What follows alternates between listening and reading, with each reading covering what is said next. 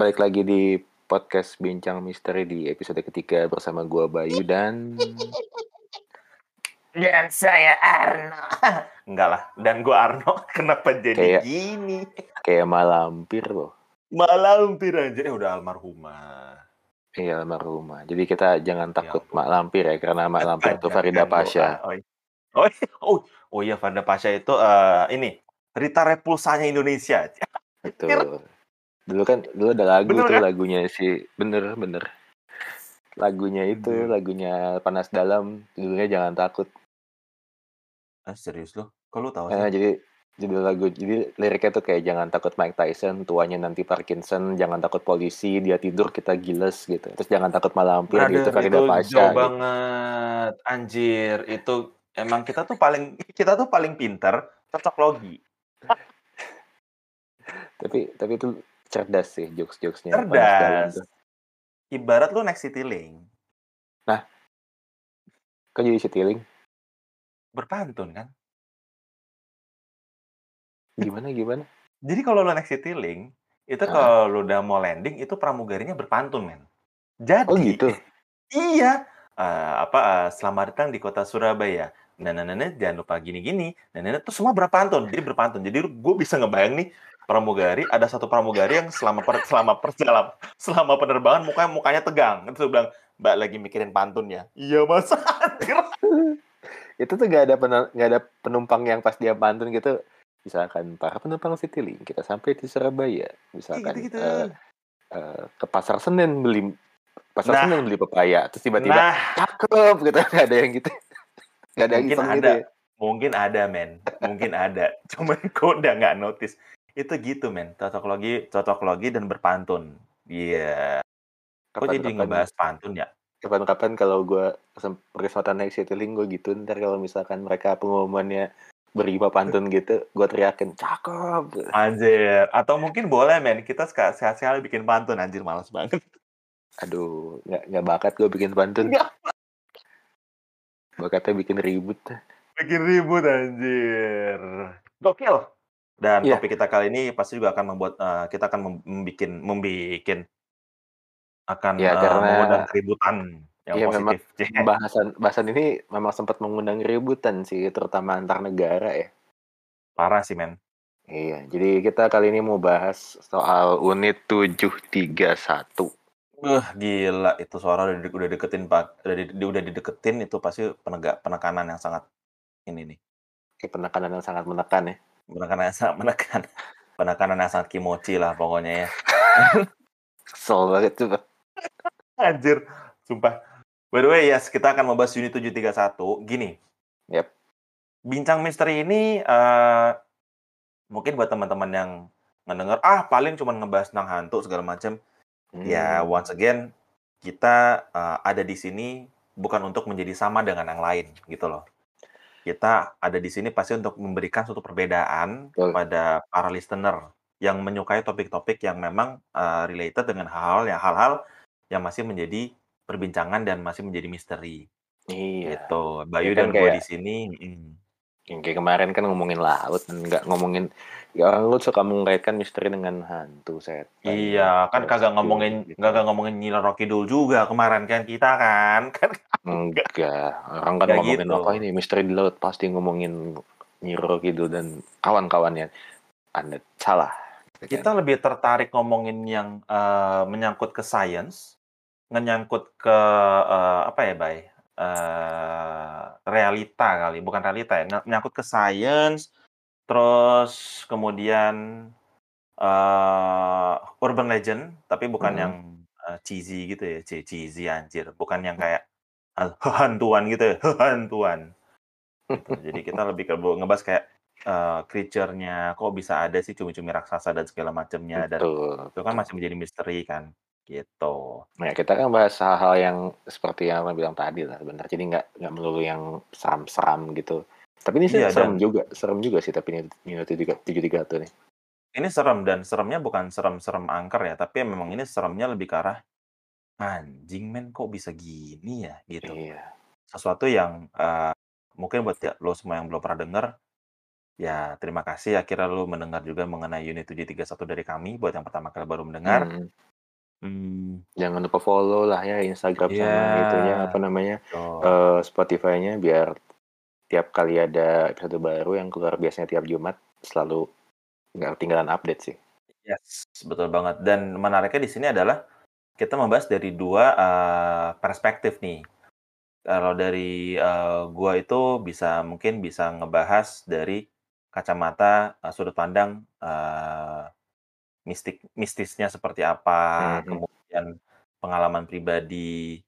Tapi dari sisi Bayu, eee, lebih dari ke arah fakta-fakta, real logika, dan sains ya, men. Mhm mhm mhm. Ya, jadi jadi, eee, sangat menarik dan kita bedalah ya, kita nggak yang Beda. suatu malam Aduh, gitu, males banget. lah. Gue gue suka banget sih tapi dulu dengerin kayak drama drama radio Misteri Iya, Gunung. Merapi sih. Iya, suka sih. asli sumpah. Suka banget jam zaman dulu kalau gue pulang sekolah ya, mbak gue lagi nyetrika baju atau nggak lagi nyuci tuh radio dengernya gituan tuh. Gitu. Iya. Ada Nah. suara angin-angin gitu. Jadi, unit 731 ya? Yes, kita unit 731. Itu tuh sebuah unit kan. Jadi buat teman-teman yang belum tahu, jadi unit 731 itu adalah sebuah unit se official-nya tuh sebenarnya dia adalah, eee, unit pencegahan penyakit menular dan water purification department. Yang kebetulan Asalnya. kebetulan ada di kota Harbin di China dan didirikan oleh, eee, pasukan Imperial Jepang. Karena dulu kan Jepang Menjajah. menjajah Cina. Ya. Gitu. Jadi dia didirikan tahun 30-an ketika perang, ketika ja penjajahan Jepang terjadi di sana dan ya judulnya sih ya itu sih, epidemic prevention sih. Cuman ternyata tidak se-inosen itu ya aslinya. Itu itu itu sebenarnya ya, eee, men kalau orang mau melakukan suatu hal yang kontradiktif dan memang jahat, ya pasti mereka akan mencoba sedemikian mungkin untuk menutup-nutupilah. Kurang lebih masa itu. masa tiba-tiba ada gedung tulisannya, "Di sini tempat nyiksa tahanan perang dan membantai orang secara tidak manusiawi." Ya, masa begitu? Entar Ya kan gitu, orang ini aja apa, si Lawang Sewu kan dulu kan juga PJKA gitu loh. Terus, Heeh. eee, ya kan, kantor pos kan, nah tapi ternyata, wah menyimpan, eee, suatu misteri yang masih diperbincangan sampai sekarang. Betul. Lawang Sewu sih. Oke lah gini, eee, balik ke 731 ya, unit 731. Unit 731 ini sebenarnya, eee menjadi kalau gue lihat ya, unit 731 ini menjadi salah satu, eee, source dari, eee, cerita-cerita fiktif yang beredar sekarang. Misalkan virus outbreak, Mhm. zombie. Saw, ya kan? Terus kemudian lu ada hos ada hostel, tempat pembantaian dan segala macamnya. Eee, ini apa, eee, gua rasa semua mengerucutnya dari sini sih. Tapi ya mari kita bahaslah, gitu loh, men. Yes. Oke. Ya, jadi setelah secara harfiah eh, secara harfiah lagi ngomong apa sih gua? Harfiah. Sejarahnya waktu Perang Dunia Kedua itu kan, masing-masing, eee, tentara-tentara yang ikut perang ya, kayak Jerman, terus juga. Viet, Sekutu. Jepang, itu kan pasti mereka punya, eee, keinginan untuk bisa perang dengan lebih efektif. Makanya beberapa dari mereka tuh ya meriset se ke senjata biologis gitu dan salah satu yang di diriset di unit 731 ini yang dikomandanin oleh dokter ya, yang komandannya dokter ya, Dokter Shiroishi yang Gila sih, sakit. Yang gue nggak ngerti ini orang kenapa cara caranya begini dalam, eee, mengkondak eksperimennya. Jadi ya pastinya mereka pengen perang lebih efektif, jadi mereka mendevelop yang namanya senjata biologis gitu, di tempat ini gitu. Dan yang Dan jadi subjek tesnya adalah, eee, tahanan perang ya, karena adanya di China ya mayoritas Di orang Tiongkok ya? China, ya orang Cina, terus ada juga beberapa orang Korea, orang Mongol, dan ada Gila, men. budaya juga ya, maksudnya tahanan dari tentara Soviet maupun tentara Amerika Serikat gitu. Sakit, men. Ini sih sakit jiwa loh, beneran gua gua bener-bener pas lihat ini kayak eee, gini, yang bikin gua, eee, berpikir kerasnya adalah sosok kejam seperti Mhm. dokter gila yang bernama Shiroishi ini, Mhm. pasti tidak hanya satu di dunia. Betul. Dan unit Ada lagi 73 tuh. ada lagi dan unit unit 731 ini kita mengatasnamakan, eee, bukan mengatasnamakan, menggunakan terminologi bio war warfare Mhm. karena meng-aim-nya efek efektivitas dan efisiensi dalam berperang, Mhm. pasti kan semua negara yang terlibat peperangan pada saat itu juga pingin dong, Iyalah. gitu. Nah, tapi yang terkuak di sini adalah unit 731. Ya, salah satunya selain lab-nya, eee, Nazi Jerman yang dipimpin Wah. oleh Joseph Mengele ya itu. Gila Joseph itu. Mengele itu juga gila sih, itu mengerikan juga. Maybe next time kita bakal bahas ya. Yes, kita akan bahas dan kita akan, eee, kita akan, eee, lihat kita akan tarik ininya men, apa, eee, kesamaannya lah ya. Betul betul betul. Oke, Betul. jadi supaya lebih, eee, lebih enak gitu ya, kok enak, nggak ada enak-enaknya sih bahas ginian sebenarnya. Enak Bro, ini justru mungkin kita mimpi-mimpi kagak indah men habis Ini Jadi kagak tenang. jadi ya kita coba ya list, eee, apa saja yang dilakukan ke para tes subjeknya di sana yang kebetulan di dijulukin di sana itu, eee, Maruta atau bahasa Jepang yang artinya adalah batang kayu. Jadi mereka udah nggak dianggap manusia gitu, kayak ibaratnya batang kayu buat itu aja sih, buat api unggun aja disebutnya gitu. Ya, jadi ini benar, jadi ini unit 731 bahasa kasarnya ya, supaya kalian yang pada dengar adalah tempat pembantaian atau Mhm. laboratorium ilegal yang, eee, eks melakukan eksperimental atau uji coba gila terhadap manusia. Yes, betul. Yes, gitu. Oke, men Ya. menarik sih, tapi ya ya udahlah.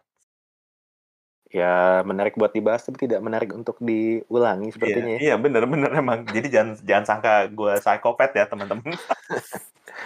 Oh, oke. Oke, Mantap jadi kita bahas satu-satu aja nih eksperimennya untuk supaya kita bisa sedikit memahami betapa gilanya mereka ya. Yang pertama tentu saja karena dia utamanya pengen menghasilkan sebuah senjata biologis yang efektif, maka yang Mhm. ada ada di sana ada ada tes penyakit gitu di sana. Jadi eh, tahanan-tahanan yang sehat itu Mhm. disuntikin penyakit lah ya kayak kolera, terus eh, malaria gitu. Terus di Antraks. observe ya antraks terus di diobserve berapa lama mereka bakal jatuh sakit, berapa lama mereka bakal eh, meninggal gitu. Dan Gila gilanya ya. lagi ketika mereka sudah meninggal eh, bukan meninggal ya ketika sedang sakaratul maut itu mereka langsung dibedah pada saat itu juga untuk mereka bisa memahami efeknya ke organ dalam kayak gimana karena mereka bilang kalau misalkan udah mati kayaknya nggak fresh lagi gitu jadi efeknya tuh nggak ketahuan dampaknya seperti apa gitu si Ngaco, men. penyakit-penyakit tersebut gitu gua nggak kebayang ya orang sehat gitu disuntik sama penyakit wah nggak kebayang sih Gila sih. Maksud gue kayak ya itu gue bilang sama lu. Men, gue lebih kasarannya ya kalau dikasih pilihan lu mendingan ketemu hantu atau ketemu orang jahat. Gue ini ketemu yang pertama deh gue sih Iya, sumpah. Maksudnya gini, nggak pengen ketemu juga sih, cuman masa kayak orang jahat tuh sadis, men. Kayak gini, gitu loh. dan ini dilakukan karena ini loh karena atas nama peperangan gitu atas nama mereka pengen menciptakan sesuatu yang bisa membunuh orang lebih cepat dan lebih efektif lagi gitu jadi Benar. Jadi bukan atas nama sains. betul ya mungkin apa ya ya gua gua nggak berani bilang atas nama sains juga ada benernya sih cuman ya it's a wrong Dark thing science, gitu sih iya. nggak sih maksudnya ada cara lain nggak sih gitu untuk Iya, ngetes gitu. misalkan efek penyakit kenapa nggak oh ini ada orang yang kebetulan kena kolera ya kita observe gitu kenapa nggak Mereka gitu memanfaatkan gitu momentum dan mereka memanfaatkan kekuatan mereka pada saat itu di mana memang eh, ya gini, mereka punya tawanan ya udah mereka kayak udah punya hak apa apa yang lu bilang tadi seperti batang kayu betul ya udahlah mereka aja daripada kita buang-buang duit lagi atau nggak kita nyari yang relawan anggap aja mereka mau gila nggak lu? Mm. dan gilanya lagi adalah eh, peraturan di sana adalah bahwa si penjaga-penjaganya itu atau dokter-dokter yang bertugas di sana tuh tidak boleh menunjukkan kasih kepada mereka gitu. Jadi kalau misalkan ada yang iba terus oh udahlah nih kasihan gue lepasin dah atau gue baik-baikin itu kena hukuman juga men. Anjir. Gila men. Jadi jadi gue sempat lihat beberapa wawancara ke ex dokter yang pernah praktek di sana tuh mereka juga stres gitu karena mereka di- disuruh negara gitu datang ke sana suruh sama atasannya itu ada pasien lagi mau mati lu belek deh gitu. Dia pasti kan kaget lah pasiennya belum mati gimana kalau saya bius dulu? Nggak nggak jangan dibius langsung buruan gitu. Ya kan lu jadi dokternya juga stres kali. Jadi ya perang itu memang eh, traumanya nggak cuman ke korbannya aja ke dalam tanda kutip pelakunya juga bikin trauma gitu. Iya sih men. This is apalagi mereka kan nggak mau gitu kan. Sebenarnya mungkin ya si dokter-dokter itu mungkin nggak mau gitu karena ini tugas negara. Gitu mereka bukan militer juga gitu kan. Mungkin jadi bunuh orang tuh rada-rada gimana gitu ya. Iya. Yang gua eh membahas mengenai pembantaian seperti ini itu jadi sedikit ya ini nggak ini nggak melenceng sih. Cuma saya kayak gue jadi teringat Mhm. pada saat gue ke Lawang Sewu gue ke bawah itu ada satu anak cewek itu ti- tiba-tiba dia jejeritan kenceng banget histeria Mhm. sampai nangis histeria sampai nangis nangis sampai ditarik keluar. Gitu. Kenapa? Ditanya. Dia ngeliat semuanya yang telah pernah kejadian 50-40 tahun yang lalu. Aduh. pada saat pembantaian Jepang. Gitu. Jadi kayak gue bilang ah serius? Ternyata setelah gue teliti itu adalah pengalaman retrokognitif. Jadi ya nanti kapan-kapan kita bahas deh Ya. gitu oke terus terus men Oke lanjut ya. Jadi selain di tes penyakit dan disuntik virus, jadi mereka juga ada yang beberapa di tidak hanya tidak hanya apa ya, tidak hanya disuntikin, tapi misalkan nih si pasien cowok itu disuntikin virus penyakit menular seksual, misalkan gonore atau Ah. sipilis Lion King atau ah, Lion King, terus mereka disuruh ber eh, maaf Disney bukan bukan bukan ini Lion Kingnya L A I E N Lion bukan Lion ya. Jadi, jadi dia dia udah berpenyakit nih ya dan dia disuruh untuk melakukan hubungan dengan si eh, tahanan yang cewek. Dipaksa gitu. Gila men. Untuk melihat efek persebarannya kalau misalkan nanti jadi anak dari situ anaknya nanti juga dilihat apakah nurun ke anaknya kah? Penyakitnya kalau misalkan anaknya juga Oh. kena. Gitu jadi men. Jadi nanti kalau anak anaknya juga di black nanti gitu baru lahir dilihat oh efeknya kayak gini ke bayi baru lahir gitu waduh gua nggak kebayang ya gue liat anak kecil kejengkang aja kasihan gue apalagi men. gila gila ngomongin gila, kayak gila. gini gue gue liat anak kecil jatuh aja atau kepalanya kepentok nangis gue nggak nggak tega gue men iya apalagi kayak begini-begini loh ini tuh kayak apa ya mungkin ya men di saat di pikiran tawanan-tawanan tersebut pada saat itu mereka kan berpikir so this is it ini akhir zaman. Iya Gitu sih loh. mereka nggak mereka nggak berharap apa-apa lagi ya maksudnya mereka juga iya loh. lebih pasti lebih milih mati karena ditembak atau dipenggal atau iya. tabrakan mati di daripada medan mati di medan perang lah daripada jadi eksperimen matinya mati perlahan gitu loh. Gila men. Perlahan dan tersiksa karena penyakit terus habis penyakit lu ntar anjing habis ini gue bedah gitu kan. Iya. Gila men dan Iya. maksud gue ini tuh bukan di Jepang gitu ini tuh di Harbin kan iya di Di Harbin di. China di area jajahan mereka gitu. Awalnya pertama kali gue denger Unity 31 nih di Jepang, Hmm. ternyata pas lambat lawan gue ngobrol-ngobrol segala macam, oh ternyata di Harbin. Mm, Gila, dan fuck memang banget. ada ada dugaan juga ada beberapa unit lain yang serupa di Nanjing, di Beijing, di Guangzhou, dan di Singapura. Tapi ya itu masih dugaan ya. Jadi kita belum tahu benar atau enggaknya gitu. Iya sih, bener. Yang yang ba- yang baunya paling kecium tuh adalah ya Unit 731 sama tadi lubang Yes. itu yang yang Jerman, Yes. Nazi Oke. itu. Oke, Kita lanjut lagi. Eh, lanjut men, lanjut men. ada ada satu tes namanya tes frostbite ya karena, eh, karena kan peperangan di China apalagi Jepang kan waktu itu juga musuhnya Soviet jadi si Soviet ini kan udaranya dingin jadi mereka mau ngetes seberapa kuat manusia tahan sama dingin. Jadi tahanan-tahanan yang masih sehat gitu disuruh telanjang bulat di depan eh di tengah salju terus dipelajarin tuh. Dia bakal frostbite-nya di menit keberapa gitu. Tangannya bakal mengeras di menit keberapa gitu.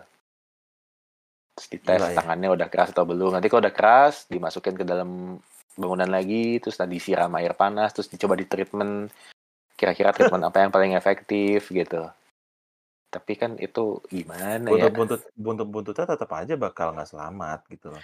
ya pasti Bahkan ya bro, ini ternyata gue lihat ternyata ada komiknya anjir.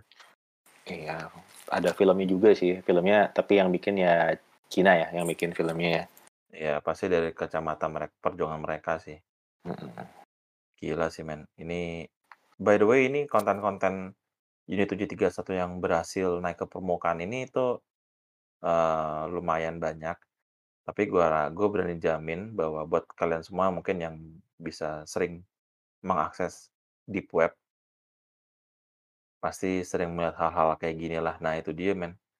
Makanya tadi yang gue bilang bahwa Unit 731 ini tuh kayaknya sebenarnya unitnya udah nggak ada. Tapi kan balik-balik lagi ke manusianya. Gitu. Mereka yang melakukan eksperimen gila seperti itu masih banyak banget sih dan ya gue denger-denger sih di deep, di deep web banyak ya gitu. Iya, itu sih gue sih nggak tahu benar atau enggak, cuman sangat plausibel, sangat memungkinkan gitu orang-orang masih mencoba untuk yang aneh-aneh kayak gini ya. Iya, dan uh, dari unit 731 ini se, se apa sependengaran gue katanya juga dari sini timbullah beberapa uh, virus-virus gitu, virus-virus Hmm. baru dari hasil eksperimental gila mereka di mana virus misalnya uh, salah satu virus yang memberikan adalah oh enggak ini jadi diinfeksi ke beberapa virus jadi mereka mereka diinjeksi virus adalah si, salah satu virus sifilis yang tadi lu bilang itu nah setelah Hmm. diinfeksi ngeliat orang itu ber- berapa tahan hidupnya dan organ-organ seberapa parahnya berpengaruh terhadap organ tubuh mereka gitu nah Hmm. terus kemudian nah ini yang mena yang menjadi uh, salah satu sorotan gue Ya ini. Eh, mereka ini uh, creating some kind of new virus, jenis virus baru, ya, jenis virus baru yang di yang di eh, bukan diinjeksi ya, yang penyebarannya dilakukan melalui kutu. Hmm. Penyebarannya dilakukan melalui kutu, kemudian ditaruh di dalam bom. Nah, awalnya mereka akan menyerang itu Amerika Serikat dan satu lagi apa gitu, Soviet ya kayaknya. Hmm. Nah. Ya sempat gue denger juga sih kalau hasil eh, eksperimen mereka tuh ada yang dicoba ke salah satu kota juga di China sih. Gila men. Iya iya benar benar benar benar benar benar benar lo benar. Benar benar benar ada ada ada. Edan ya. Itulah. Ngeri, Edan ngeri. men.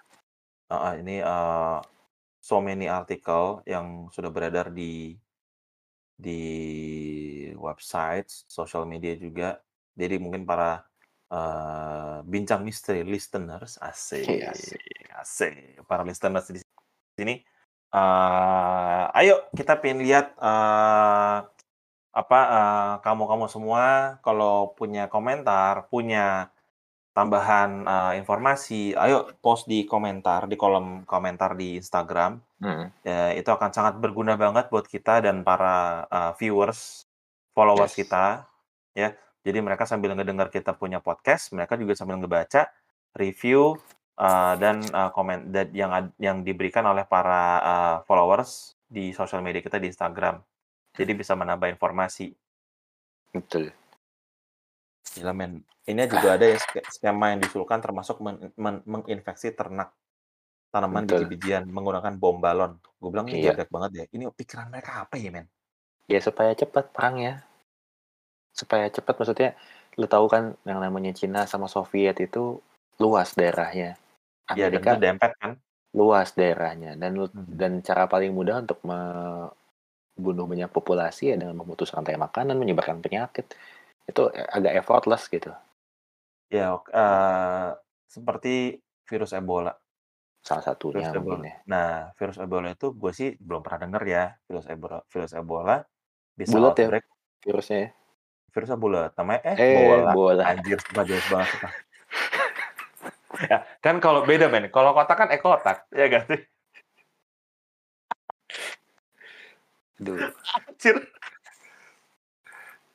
ya, ya pokoknya gitu men. Eh, apa? Eh, ini virus Ebola ini kan di Afrika. Mm-mm. Dan gue belum pernah dengar virus tersebut outbreak sampai ke negara lain. Betul.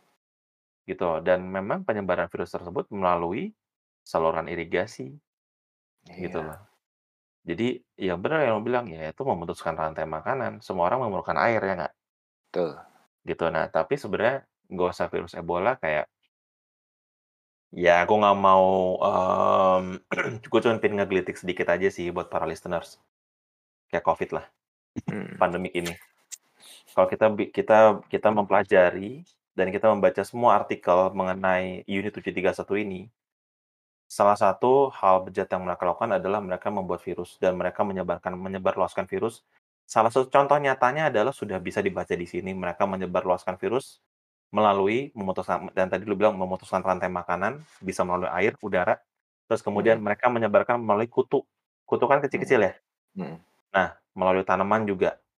Jadi ya, eee, gua rasa virus itu tidak muncul dengan sendirinya karena once again, Mhm. hashtag tidak ada sesuatu yang kebetulan di dunia ini, gitu. Jadi, eee gua nggak pengen ini diargumentasikan atau gimana, tapi menurut gua eee, ya bisa dicarikan kesamaan lah dari cerita perjalanan unit 731 ini dengan apa yang sedang kita eee, alami semua sekarang gitu. Kalau Mmm, gue gue bilang sih sih ya Gimana gimana? gue sih nggak pengen nyambung-nyambungin ya. Emang sih sebenarnya, cuman kayak, pas aja nih, gitu. Iya, ibaratnya sih namanya virus ya, susah Iyalah. juga sih kita nge-trace-nya mau udah udah entah dari mana datangnya. Nggak Cuman ada cerita-cerita kayak gini sih, maksudnya cerita-cerita kayak gini yang membuat kita ya, eee, harus lebih waspada lah, maksudnya Benar harus benar lebih benar. aware lagi gitu, lebih aware lagi bahwa, Benar. oh ternyata virus tuh bisa menular lewat sini lewat sini lewat sini. Jadi kita harus mesti Ya. menjaga gitu, mesti menjaga rantai makanan kita, mesti menjaga, eee, tanaman-tanaman yang kita piara, binatang yang kita piara, Benar, gitu. setuju banget setuju banget. Jadi ya nggak cuman ngejaga diri kita doang gitu, semuanya harus kita jaga gitu supaya kita terhindar dari hal-hal kayak gini gitu. Betul, dan memang balik lagi manusianya juga harus jadi lebih kuat gitu, karena Betul. kita udah nggak bisa lagi dengan pola hidup kita yang lama. Ya, Mhm. kita harus upgrade lah gitu. By the way man, Heeh. eee what do you think Tentang? eee, lu mungkin punya gimana pandangan atau analisa lu mengenai unit 731 ini kan udah nggak ada nih. Heeh. Cuman, eee, sampai sekarang masih ada nggak mungkin yang, eee, unit kecil atau apa yang melakukan eksperimen gila seperti ini? Kalau gue pikir ya, eee, yang namanya orang riset ya, walaupun sekarang gue yakin zaman sekarang risetnya tuh lebih lebih lebih apa ya, lebih manusiawi lah gitu ya, udah nggak pakai lagi tes orang, tes hewan gitu ya. Mhm.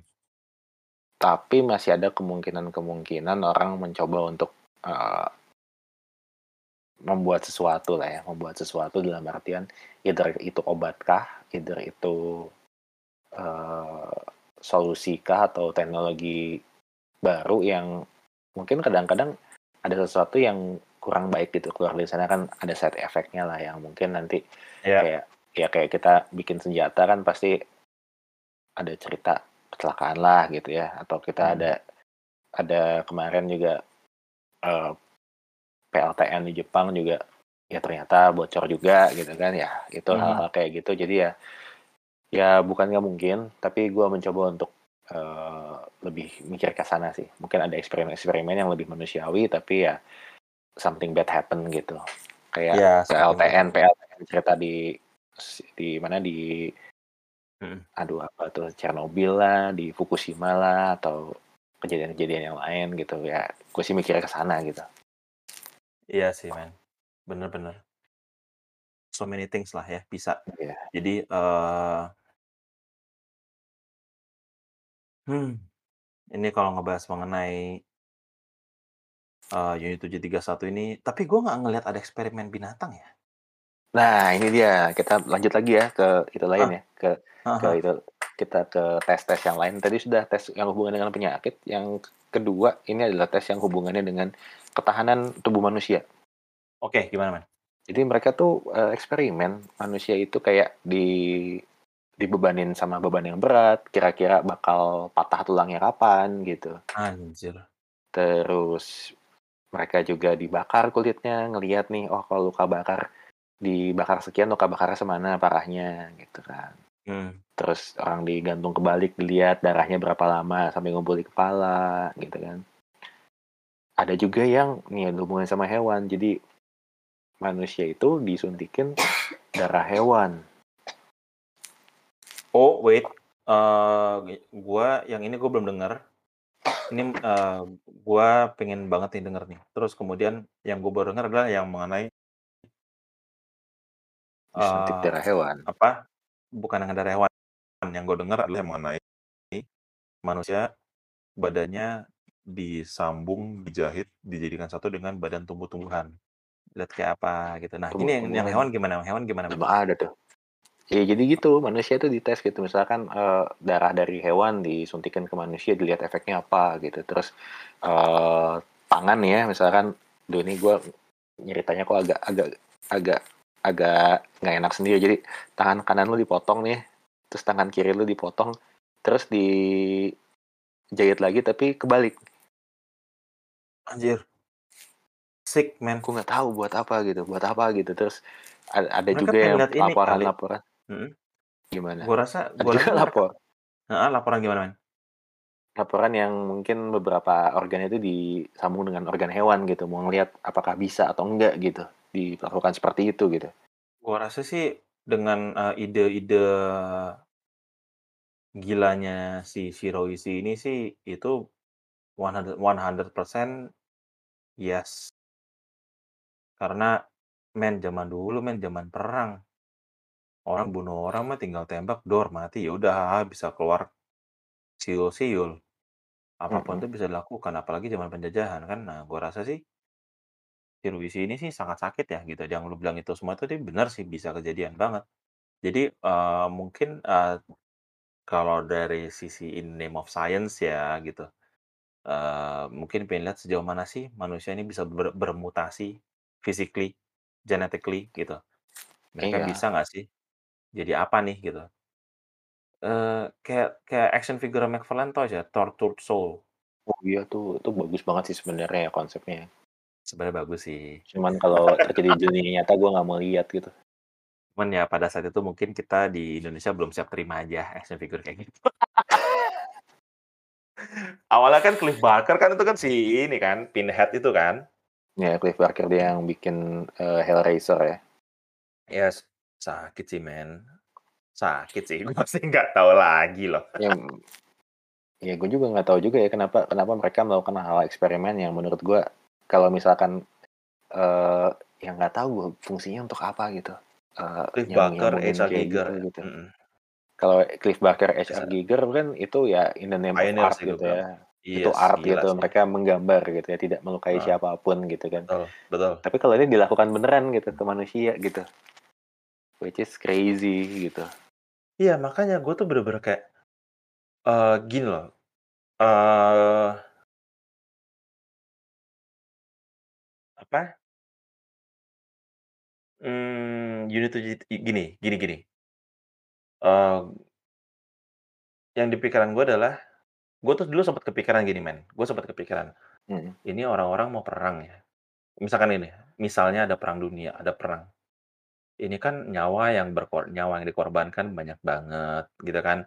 Terus belum Mhm. lagi pembelanjaan, eee, altire apa, altire al artileri, eee, dan arsenalnya, eee, peralatan perang, itu kan mahal sekali. Mhm. Jadi kupikir senjata bioteknologi itu ya efektif dan efisien gitu untuk, Mhm. eee, membumi hanguskan. Betul. Dengan cara dengan cara dan kemasan yang rapi, oh, dan dan no one to be blame gitu kan. Iya. Tahu-tahu Eee kotanya udah pada sakit aja, terus tiba-tiba jadi Heeh, menang.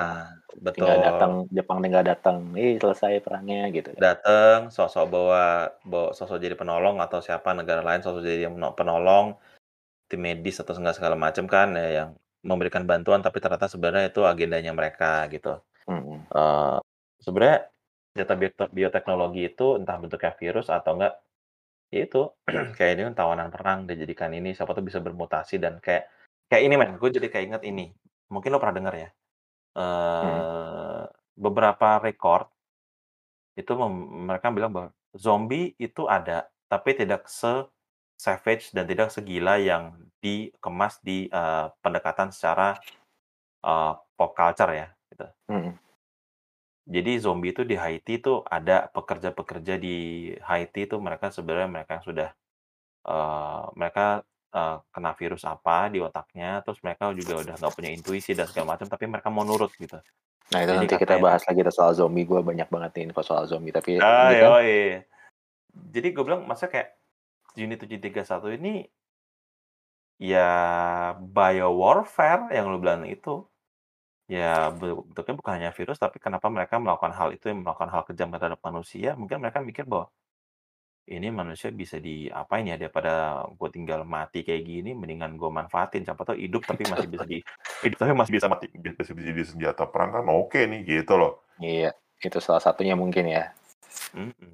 Gila sih. Nah tapi eh, ini gue mau ngomongin salah satu tes yang terakhir nih ya. Eh, Mm-mm. bahwa nggak cuman biological warfare aja atau hal-hal yang gila tadi dilakukan, tapi ini juga mereka tes uji coba senjata. Jadi nggak hanya senjata biologis yang mereka uji coba di sana, tapi juga senjata biasa Di, di, uji, uji, di uji cobanya ke mana? ke manusia. Jadi misalkan ada, Anjir serem banget men. jadi contoh nih ya, gue sempet eh, baca. Jadi cara cara ngetesnya gini, misalkan ada satu senapan nih, misalkan Jepang punya senapan baru nih. Jadi Hmm. itu orang tuh dijajarin tuh jarak sekian meter, sekian meter, sekian meter gitu. Mm-mm. terus ditembak dar gitu oh kalau tembak jarak sekian lukanya segini mati kalau tembak sekian dia cuman luka parah doang kalau tembak sekian dia cuman lecet doang gitu Buat apa ya? Nah, kurang juga banyak, ada- kayak, kayak kurang banyak contoh hasil peperangan gitu loh men. padahal kan lu bisa uji balistik gitu lah uji balistik itu oh kalau segini kira-kira hasilnya gimana gitu ya kan daripada Ah. pakai orang gitu Sakit habis- sih. habis itu juga ada uji coba granat gitu. Jadi oh iya kayak tadi orang disuruh berdiri jarak berapa jarak berapa terus granat diledakin terus dilihat efeknya ke orang yang paling deket. Hancurnya segimana orang yang paling jauh kayak gimana gitu. Iya ya men ya. gila kan jadi jadi gitu. Dan ada juga yang misalkan ada senapan mesin baru gitu ya orang dibarisin terus berondong gitu dilihat tembus berapa orang gitu Parah, parah, parah, parah, parah, parah, parah, parah, parah. Oh, parah ya by the way, by the way, by the way, uh, Ya. Black Death yang Mm-mm. di Europe itu loh. Tahun Mhm. berapa tuh bro? Yang aduh tahun lama tuh ya udah sempat berapa tahun? Dua tahun ya virus itu ya. Mhm. The Black Kenapa Death itu. Itu udah- itu ternyata dari unit 731 nah apa hubungannya virus. Gue tadi kan, ketemu artikelnya. Black Death kan tahun abad pertengahan men. Sebelum zaman Renaissance itu Black Death. Ntar, gue tadi baru ngeliat nih men. Ah, dan dan Black Death itu terjadi karena tahayul kalau nggak salah. Anjir tahayul. Serius tahayul tahayul zaman dulu. Ini ini sekilas aja karena asik juga nih bahas Black Death. Jadi eh, zaman dulu katanya orang di Eropa itu eh, witches atau penyihir itu nyebarin sihir lewat kucing Ngerjain. Oh. kucing di banyak disingkirin terus akhirnya populasi tikus meningkat terus pes merajalela gitu dan Iya. itu yang disebut Black Death gitu pes. Logic man, itu sih, iya ya, itu itu itu itu sangat logic dan ya uh, one of the biggest possibility itu benar. ya nanti kita coba bahas tentang Black Death ya kapan-kapan ya Boleh banget men. Eh, Gila, ini kalau baca artikel ini kutu disimpan dalam bom keramik uji 50 dengan sirip seluloid dan jatuh dari pesawat ke masyarakat sipil. Nah, iya itu salah satu hasil dari eh, karya ya dalam tanda kutip karya yang dibikin oleh orang-orang di sana ya salah satunya itu sih yang sempat gue baca juga. Heeh, dan kutu yang dilepaskan kemudian menyerang tikus lokal yang pada gilirannya akan mencemari gudang makanan, menyebarkan wabah ke manusia.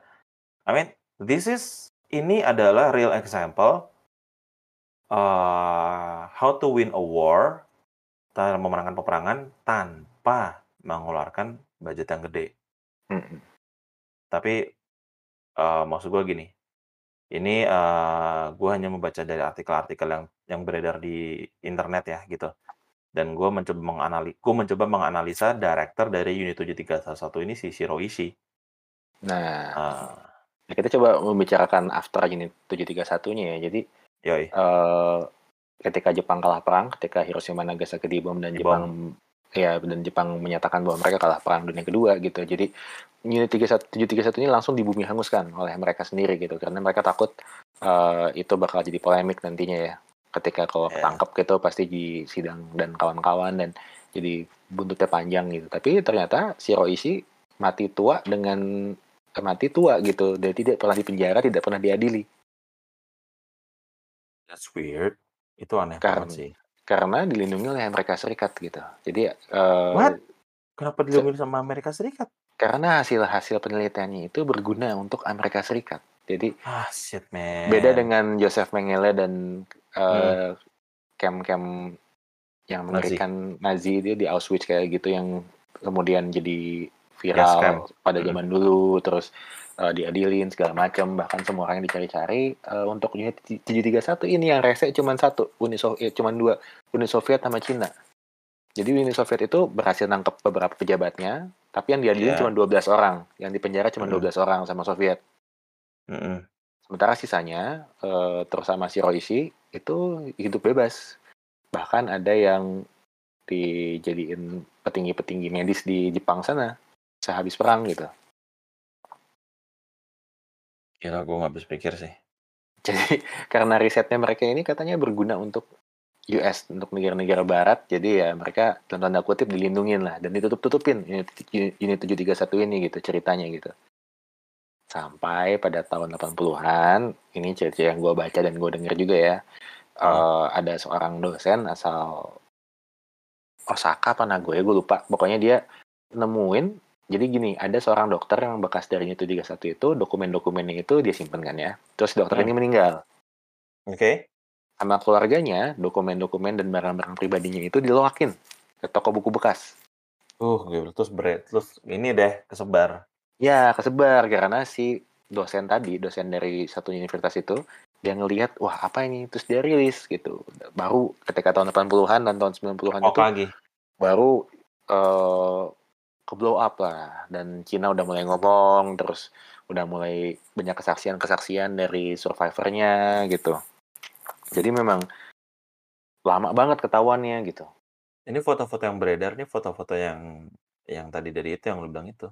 Mungkin, mungkin. Jadi jadi habis itu tapi sayangnya si dosen ini pun hidupnya nggak tenang gitu karena dia kemudian diteror oleh kelompok ultranasionalis Jepang. Yang oke, oke. Diteror lah di tempat kerjanya, rumahnya didatengin, diancam segala rupa gitu. Karena entah kenapa ya Jepang itu agak hesitate untuk mengakui kejahatan perang mereka gitu. Bahkan sampai sekarang kan Jugun Ianfu aja masih banyak tuh yang suka demo gitu kan, Ya. menuntut eh, hak-hak mereka dipenuhin gitu. Mm-mm. Terus eh, Rape of Nanjing pun sampai sekarang Jepang Wah, masih gila. Jepang masih mendinai itu gitu. Karena kepentingan politiknya itu entah kenapa ya Jepang ini di, jadi dianak emaskan banget sama Amerika gitu. Memang sehabis perang mereka memang ada di bawahnya diketeknya Amerika banget. Bahkan Ya. mungkin sampai sekarang ya masih diketekin sama Amerika Serikat karena ada kayak militer gitu Amerika Serikat di Jepang gitu. Dan mereka selalu rasa ya, Selalu rasa sih tunduk sama Amerika Serikat gitu. Dan semua Ya. kepentingan Jepang itu pasti mendukung Amerika Serikat gitu. Jadi hasil-hasil dari itu juga satu ini. Bahkan mungkin yang lain yang kita belum tahu itu semua jadi property of USA gitu in the end gitu. Gila men, gue ya kita nggak tahu ada kerjasama apa pada saat itu. Terus pengeboman Hiroshima Nagasaki itu gue rasa bukan suatu tindakan yang cukup sekali klik. Ya udah ya oke. Habis nih semua nggak tapi pasti ada penuh dengan um, huge consideration dari Amerika juga terus uh, mendengar cerita lu juga dan uh, apa uh, rekam jejak yang beredar bahwa ada kerjasama yang uh, apa saling menguntungkan antara Hmm. Amerika Jepang dengan insiden yang sudah terjadi gitu. Gue rasa sih I don't know ya ada apa di sini. Ini bahkan baru mereka Jepang tuh baru mengakui bahwa ya kita pernah melakukan eksperimen biokimia yang berhubungan dengan perang itu di tahun 2002 mereka baru ngaku Baru tahun oh ya? baru ngaku Belum- tahun belum. 2002 Oke oke. terus mereka mereject eh, pengakuan-pengakuan dari korban. Terus Hah? pada tahun 2003 Perdana Menteri Jepang Junichiro Koizumi bilang kalau misalkan memang ada bukti dari unit 731 kita akan buka dia bilang kayak gitu.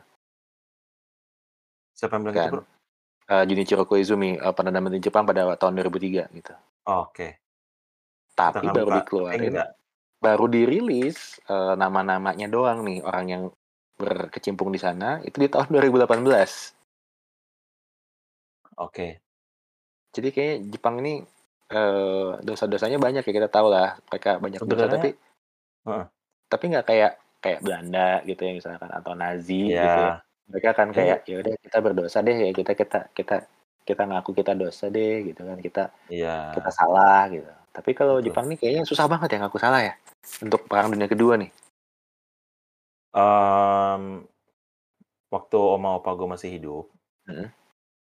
oma opa gue tuh cerita mengenai pengalaman mereka, eee, ngumpet dari penjajah Jepang. Mereka ngelihat penjajah Jepang orang Jepang berantem sama orang Belanda. Mereka merasakan penderitaan Jepang, eee, penderitaan dijajah Jepang seperti apa. Mereka ngelihat penyiksaan-penyiksaan Jepang. Itu Jepang penjajah Indonesia tuh berapa tahun? 5 tahun ya, men? Apa 2 tahun ya? Gue lupa. Mmm. Nggak lama lah, tapi 3,5 tahun kalau nggak salah. 3,5 tahun. Tapi oma gue bilang rasanya kayak lama banget. Karena Jepang itu sadis banget. Dan memang kalau dibilang dosa-dosanya banyak, sebenarnya kotor banget sih. It apa, eee, item banget deh udah gitu. Kalau lu denger, eee, misalkan nih, Hmm. lu ke Lawang Sewu, itu ada tour guide-nya.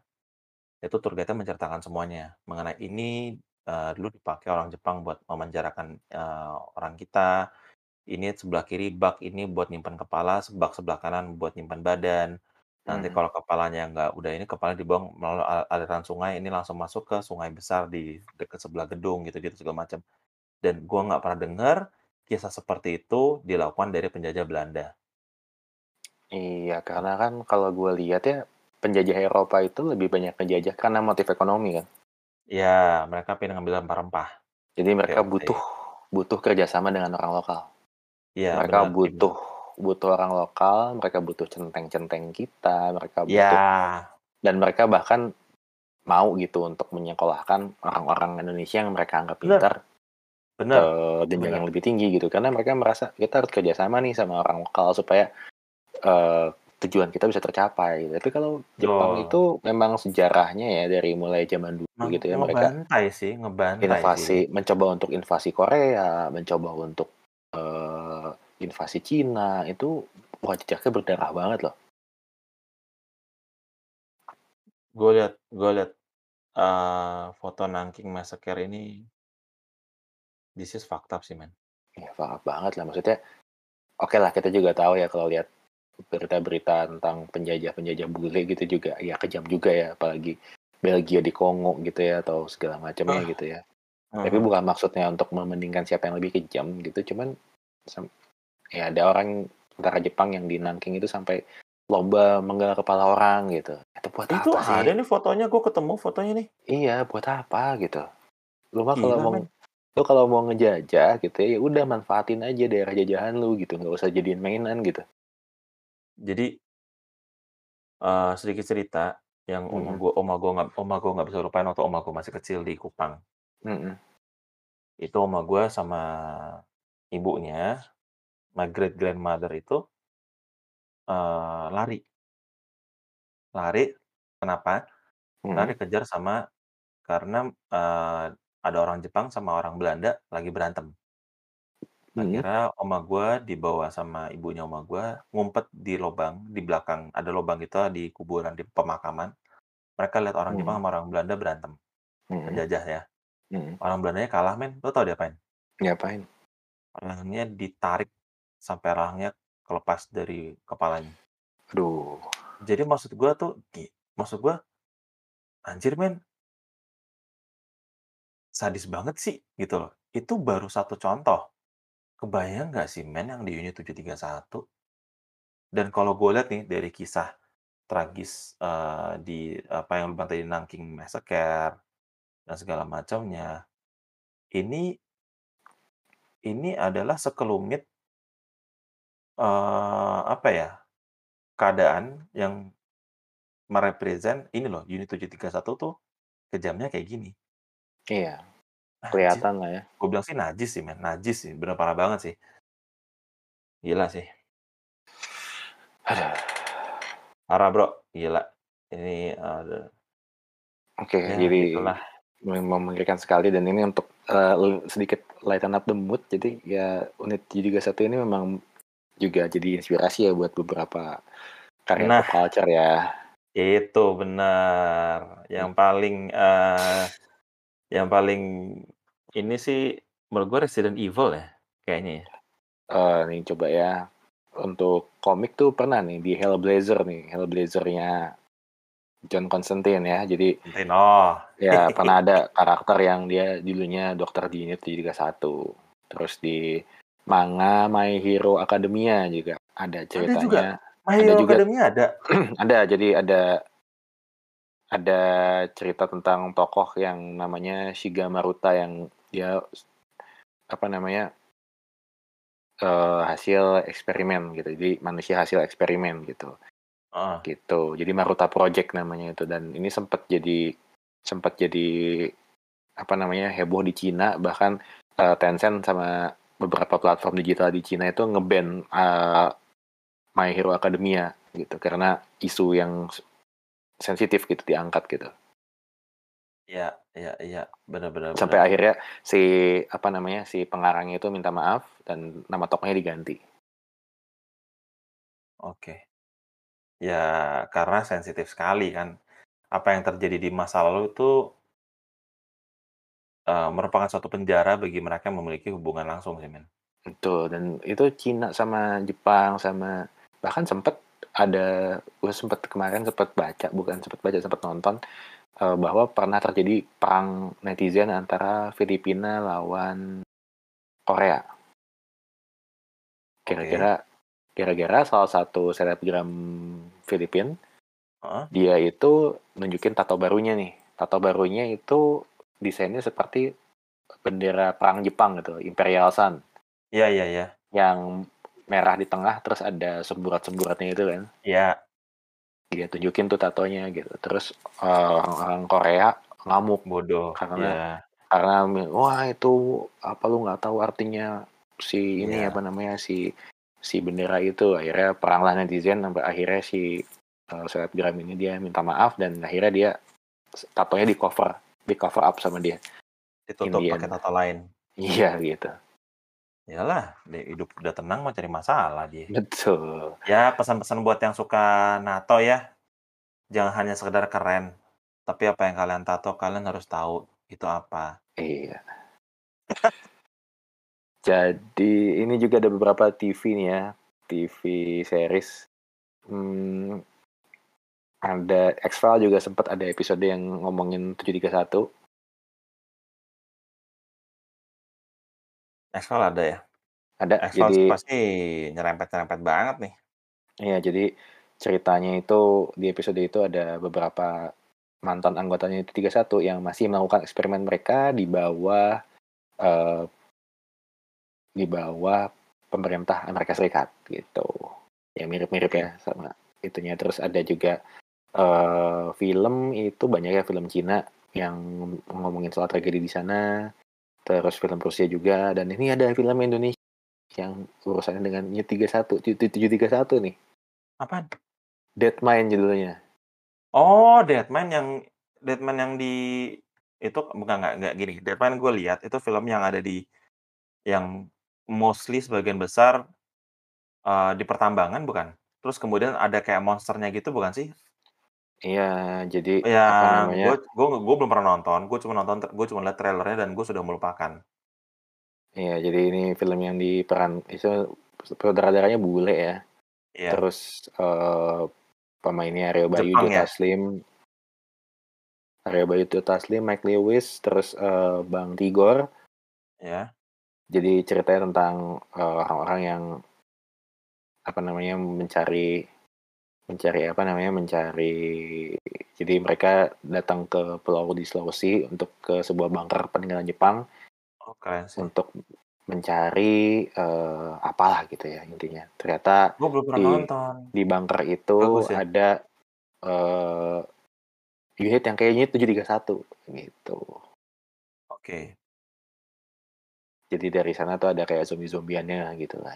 Gua sempat nonton sekilas dulu ada di eh, TV kabel, cuman eh, agak kurang tertarik nontonnya. Mungkin Mungkin karena sambil ngantuk-ngantuk terus ketiduran. Kan lupa Benar juga benar sih benar benar benar benar. Gitu oke sih, oke. yang menarik sih itu-itu aja ya di terus ada juga di video games di Call of Duty, itu juga ada map yang terinspirasi dari Unity 31, terus juga ada mmm, komik tuh ada beberapa lagi nih. Film-film Amerika ada nggak ya, men? Yang Film Amerika. movie-movie kayak Slaughter eh, tapi gua rasa ya, kayak film-film kayak Slaughterhouse Slaughterhouse gitu tuh paling juga inspired by Unit 731, cuma mereka nggak ngomong. Mungkin, gitu loh.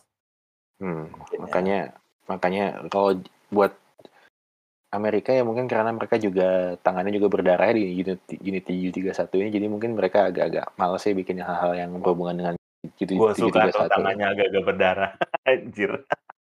Ya karena kan mereka punya kepentingan kan, mereka lihat Iya. hasil eksperimennya, "Oh bagus juga nih untuk kepentingan kita nih." Ya udah kita kita kita ambil, eee, hasil eksperimennya tapi dan sebagai bayarannya lu semua kita bebaskan dan kita lindungin gitu. Oke oke. Ya balik Oke lagi ya, dari perang itu sebenarnya nothing good yang datang dari perang ya Nothing good, hal-hal nggak ada hal bagus kok dari perang itu, mau itu bilang perang itu berakhir dan sisi salah satu kubu memenangkan peperangan, nggak ada yang bagus, tetap ada yang dirugikan. Gue bilang Betul. peperangan itu tidak ada yang bagus. Dan kenapa harus ada peperangan gitu gue bilang. Ya, kepentingan lah. Ya gimana ya, ya sedih aja sih maksudnya Amerika Serikat gitu ya sebagai negara yang katanya paling menjunjung tinggi HAM, tapi ketika mereka udah punya kepentingan kayak Nggak tuh men, makanya sekarang kayak apalagi gini gitu ya. thank thanks to social media kita jadi eee, melihat lebih luas dan lebih dalam. Betul, ya terima kasih juga Ya. sih gua buat teman-teman konten kreator lain baik dalam dan luar negeri yang sempat meng-cover jadi unit 731, jadi gue banyak informasi dari mereka ya. Karena ini Iya. zamannya teknologi jadi sangat memudahkan banget untuk belajar sih. Betul. Betul betul. Dan by the way, enggak nih, ini sih cuma cerita doang sih men. Lu mau yap. masukin enggak? Lu mau masukin nggak apa-apa, masukin nggak apa-apa. Ya masukin aja lah. Eee, bukan, ini si tentang si jagat astral. Jadi, eee, salah satu eee, inspirasi bukan inspirasi ya, salah satu ya lu bisa bilang inspirasi apa bukan ya men, tapi unit 731 ini gue membuat salah satu unit seperti unit Heeh. tujuh eee, mere yang seperti unit unit 731. Mhm. Cuman, eee dikepalai oleh salah satu dokter gila namanya dokter agnostik. Gitu, dokter agnostik, dia ini spesialis bedah jahit siluman. Nah, ini gue inspired by unit 731. Ini gue belum belum belum gue belum showcase ke mana-mana sih, cuman gue jadi pengen cerita aja dikit, kurang lebih kayak gitulah. Ya jangan di-showcase-in dulu, just aja udah cukup sampai situ aja, entar kalau lo cerita lebih banyak apa gue showcase-in mah, orang ya ada orang jadi sisipan, ada Happy Meal, anjir. Tapi maksud gue unit tujuh 731 ini, eee, it brings so much, eee, dark history, dark past gitu. Mhm. Tapi for kalau kita bisa, eee, for some of them berhasil, eee, menjadikan hal ini, eee, dengan pendekatan yang lebih komersil yang komersil ya. Mhm. Gitulah. Tapi, eee, by the way, mengenai virus outbreak, zombie bisa ada nggak ya men ya? Wah, mmm. Mmm. Ya sedikit nyinggung zombie sih ya, kalau namanya zombie itu kan aslinya kan mantra gitu ya, cuman nggak tahu deh kalau misalkan ada nggak ya penyakit yang satu satu hari jadi outbreak kayak gitu ya, maksudnya tapi gue mikirin ngeri sih jangankan wabah zombie ya, wabah kayak sekarang aja gitu, bukan maksudnya mengecilkan arti corona ya, yang Iya. bisa dibilang bukan kayak di film-film gitu, yang kayak film zombie atau film yang ngeri-ngeri banget gitu, yang sekali kena langsung gimana gitu, gini aja udah sangat mengerikan banget loh. Ngeri lah. Maksudnya banyak virus kenapa? bermutasi virus bermutasi, kita nggak tahu mutasinya bakal segimana gila, Mmm. gitu kan. Ya, we don't know gitu, nggak tahu. Iya. Terus kan ini sekarang ada varian baru lagi, gue bilang, "Iya, semua udah divaksin, udah eh ada varian yang bisa menetralisir vaksin. Oh, cerdas. Ya, apa Gua nggak tahu deh. ya gimana pun ya namanya virus, bakteri itu kan makhluk mikroskopis. Semakin kecil makhluknya, makin gampang dia berevolusi gitu. Iya sih. Jadi ya dinikmatin aja kondisi-kondisi kayak Iya sih. ya mau nggak mau kita harus hidup dengan kondisi kayak gini kan untuk sekian waktu yang akan lama. Maksudnya eh kondisi kayak gini bukan maksudnya penyakit ya tapi kita jadi disadarin gitu bahwa kita harus lebih sehat hidupnya kita harus jaga kebersihan. Itu yang sering kali kita lupa gitu ya. Kita makan juga dulu nggak pernah bener. Sekarang kayaknya nyari vitamin gitu kan makan sayur Iya. makan buah gitu kita baru sadar sekarang gitu loh Bener, tapi maksud gua eh gua virus ini tuh jadi mengingatkan gua kalau om-om gua pada cerita, dulu ingat nggak kalau kena campak itu orang pada kena terus nggak lama meninggal, cacar nggak lama Iya. meninggal. Tapi setelah ada vaksin, dulu kalau disuntik vaksin tuh tangan bengkak. Zaman Mhm. eh, zaman om gua, nyokap gua masih kecil. Terus Mhm. divaksin cap, eh, apa campak, cacar itu tangan tangan bengkak, sumeng-sumeng, panas. Gue pikir ya sama kayak sekarang sih. iya Gitu loh men. Ya, iba- Sama ya kayak ibaratnya sekarang. dunia dunia makin maju, makin banyak penyakit baru. Apalagi gaya hidup kita ya, zaman dulu kan kita mungkin makan sehat gitu. Sekarang Sekarang gila dengan men. fast food, terus makanan semakin gampang dibikin dengan bumbu instan, bumbu ini, bumbu itu. Jadi tubuh kita tuh lebih rentan gitu sama penyakit. Iya, bener, lebih rentan. Jadi ki- kita badan eh, umur kita mungkin masih 35, tapi kondisi fisik kita kayak orang 50 tahun. Wah, maksudnya banyak lah ya teman-teman kita yang umurnya kepala tiga tapi udah kena penyakit-penyakit berat yang zaman dulu mungkin kita bisa temukan cuma di kakek nenek kita gitu. Yes, yes, betul. Apalagi kita Betul. sekarang banyak micin, banyak garam sehingga kita Anjir. jadi lebih rentan sama darah tinggi. Iya men. Semuanya sama sekarang sama- semuanya sekarang serba kayak gitu. Gitu. Jadi ya ada ada hikmah yang bisa kita ambil lah dari virus outbreak sekarang itu bahwa Nah, kita lebih hati-hati lah sekarang dalam makan, dalam menjaga kebersihan. Kayak kayak gini deh, lu tau lah kan kerjaan gue ya mengharuskan gue untuk datang ke situs-situs pembangunan gitu ya, kayak kayak ke proyek gitu yang beneran berdebu gitu ya, yang ada orang ngecat segala macem. Dulu gue inget tuh dulu waktu belum ada virus gitu ya, zaman dulu gue ke tempat itu gue nggak pakai masker loh. Mau bau kayak gimana pun, mau berdebu Yes. kayak gimana pun, gue nggak pakai masker. Sekarang Gue baru juga. sadar, wah dari dulu kayak gue pakai masker gitu. eh by the way lu by the, by the way gue nggak gue merasa ya, eh gue pakai masker terus. Hmm. Gue dari pandemik sampai sekarang, gue belum pernah kena pilek. Nah. Beneran loh. Maksudnya gue belum pernah kena pilek, gue belum pernah, alhamdulillah ya, belum Hmm. pernah kena demam, batuk, melar-melar kayak dulu sebelum pandemik. Gua kita nggak pernah pakai masker.